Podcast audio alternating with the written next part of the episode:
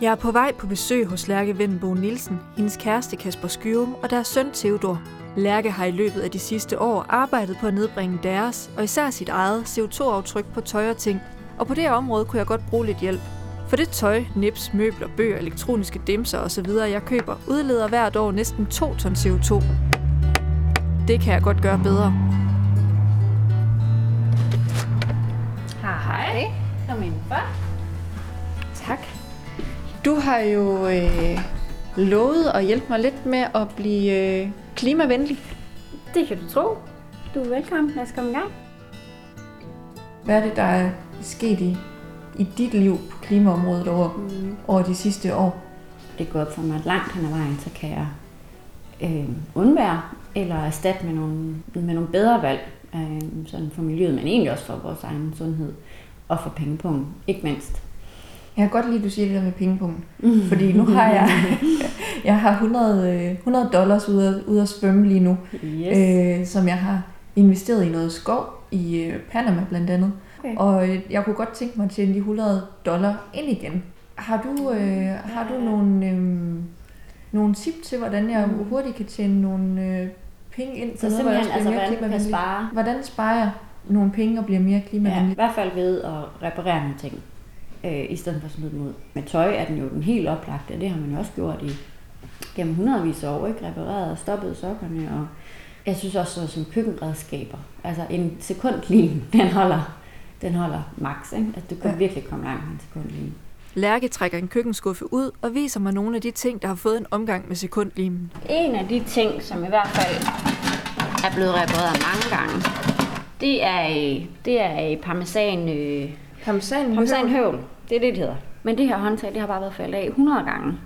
Kasper, han er god til sådan, "Nå, ud med den, vi køber en ny. Nej, fandme nej. Øhm, og det er også en af de ting, ja, den er da billig at købe en ny. Men et, altså det er ikke nødvendigt. To, den er bare skide god. Vi går ind på et tilstødende værelse, hvor hun i skabet har en pose med ting, der er gået i stykker. Der er bare et lille sted, hvor jeg lige putter alle ting hen, som, øh, som skal repareres. En to-do, to-do øh, posen her. Og, øh, og så har vi, nøj, så har vi den lille, den lille elefant, sådan en lille øh, træfigur fra Afrika, som har mistet sin snabel. Det er måske lidt mere oplagt for mange, det der med at reparere noget, noget med noget affektionsværdi, eller noget, man har fået gave, eller noget. Sådan helt noget unikt. Men sådan noget som en øh, parmesanhøv, den ryger bare ud, ikke? Altså, for mig er der ikke, altså, der er ikke nogen forskel på, om det er en billig ting, eller en dyr ting, eller hvad det er. Det skal bare, altså, jeg vil bare gerne forsøge at reparere det, øh, uanset hvad. Jeg synes, parmesanhøvlen og, og ham her, elefantfætter, de, de, de er der på lige, på lige fod. Der er flere ting i posen, men jeg har lidt travlt med at tjene mine 100 dollar ind igen, så vi forlader lynhurtigt Lærke og hendes familie og tager på Repair Café på Vesterbro i København, hvor man gratis kan få repareret tøj og elektronik. For jeg kan godt håndtere en sekundlim, men jeg kan absolut ikke sy. Det kan Keith Brander, der er frivillig fikser på Repair Caféen til gengæld, og han vil gerne hjælpe mig. Jeg har taget mine, øh, mine yndlingsbukser med, Ja. som har øh, huller på inderlårene, Ja. så man kan faktisk ikke, øh, man kan ikke have dem på og stadigvæk være sådan nogenlunde, øh, nogenlunde tækkelig. Bare du sætter kun på din cykel og ikke stå op. Nogle gange så vil jeg jo gerne stå op. Øhm, skal vi øh, give det et skud, eller, eller skal du give det et skud? Jeg ved intet om at sy. Uh. Mens Keith Brander lapper mine bukser, har jeg tid til at tale med Kasper Hernandez Cortes, der er initiativtager til Repair Caféen. Hvad er ideen bag? Hvorfor holder I Repair Café? Altså, der er to grunde. Den ene grund er det øh, økologiske. Det handler om at reparere i stedet for at smide ud. Og det hænger sammen med, øh, hvordan øh, at det er for dyrt tit at reparere noget, og, det, og derfor så vil vi gerne have et sted, hvor man kan hjælpe hinanden. Og vi vil gerne vil understøtte, at folk selv kan lære at reparere. Og den anden del hænger sammen med det sociale, og det vil sige, at man kan mødes på kryds og tværs af forskellige slags baggrunde og, og hjælpe hinanden med at reparere ting. I mellemtiden er Keith Brander blevet færdig med mine bukser. Så det er ikke helt perfekt, men du kan se, at, at stof er virkelig tyndt der.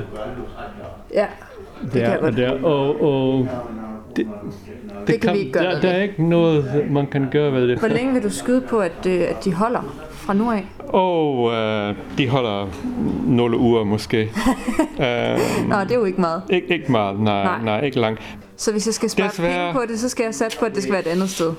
De, man kunne måske genbruge dem til at lave en øh, tæppe, eller Ja, hvor man skærer det op og, og væver det. og væver. Men, men til bukser er de næsten øh, færdige.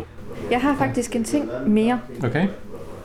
Som er en trøje. Det er også en af mine yndlingstrøjer. Ah, Det er bare et lille bitte hul under armen, ja, ja, ja. Mm, øh, hvor det er som om syningen den, den er Ja. gået. ja, ja. Mm-hmm. Den, den, kan man nemt reparere, og, øh, um, og det holder i lang tid.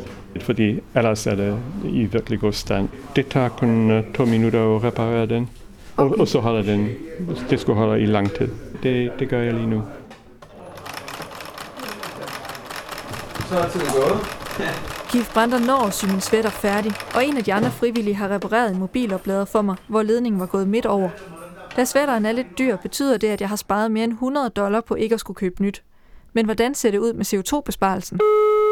For at finde ud af det, ringer jeg til Torben Krantz, videnschef i den grønne tænketank Concito. Det er Tom Kring.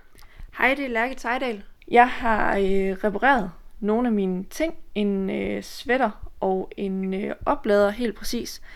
Hvor meget CO2 har jeg sparet på ikke at skulle købe det fra nyt?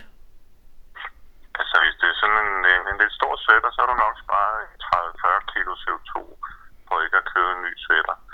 Og på opladeren, det er ikke så meget. Det er nok mellem 5 og 10 kilo CO2 på en oplader, du har sparet. Okay. Jeg har også sparet, øh, kan man så sige, væsentligt flere penge, end jeg har sparet øh, CO2 på det her. Normalt, så vil jeg jo spare de her penge op og rejse for dem. Og det ved jeg godt, at, øh, at du ikke kan lide. Men øh, nu har jeg jo været klimavenlig ved at reparere. Kan det så ikke gå sådan nogenlunde lige op? Nej, det kan det ikke.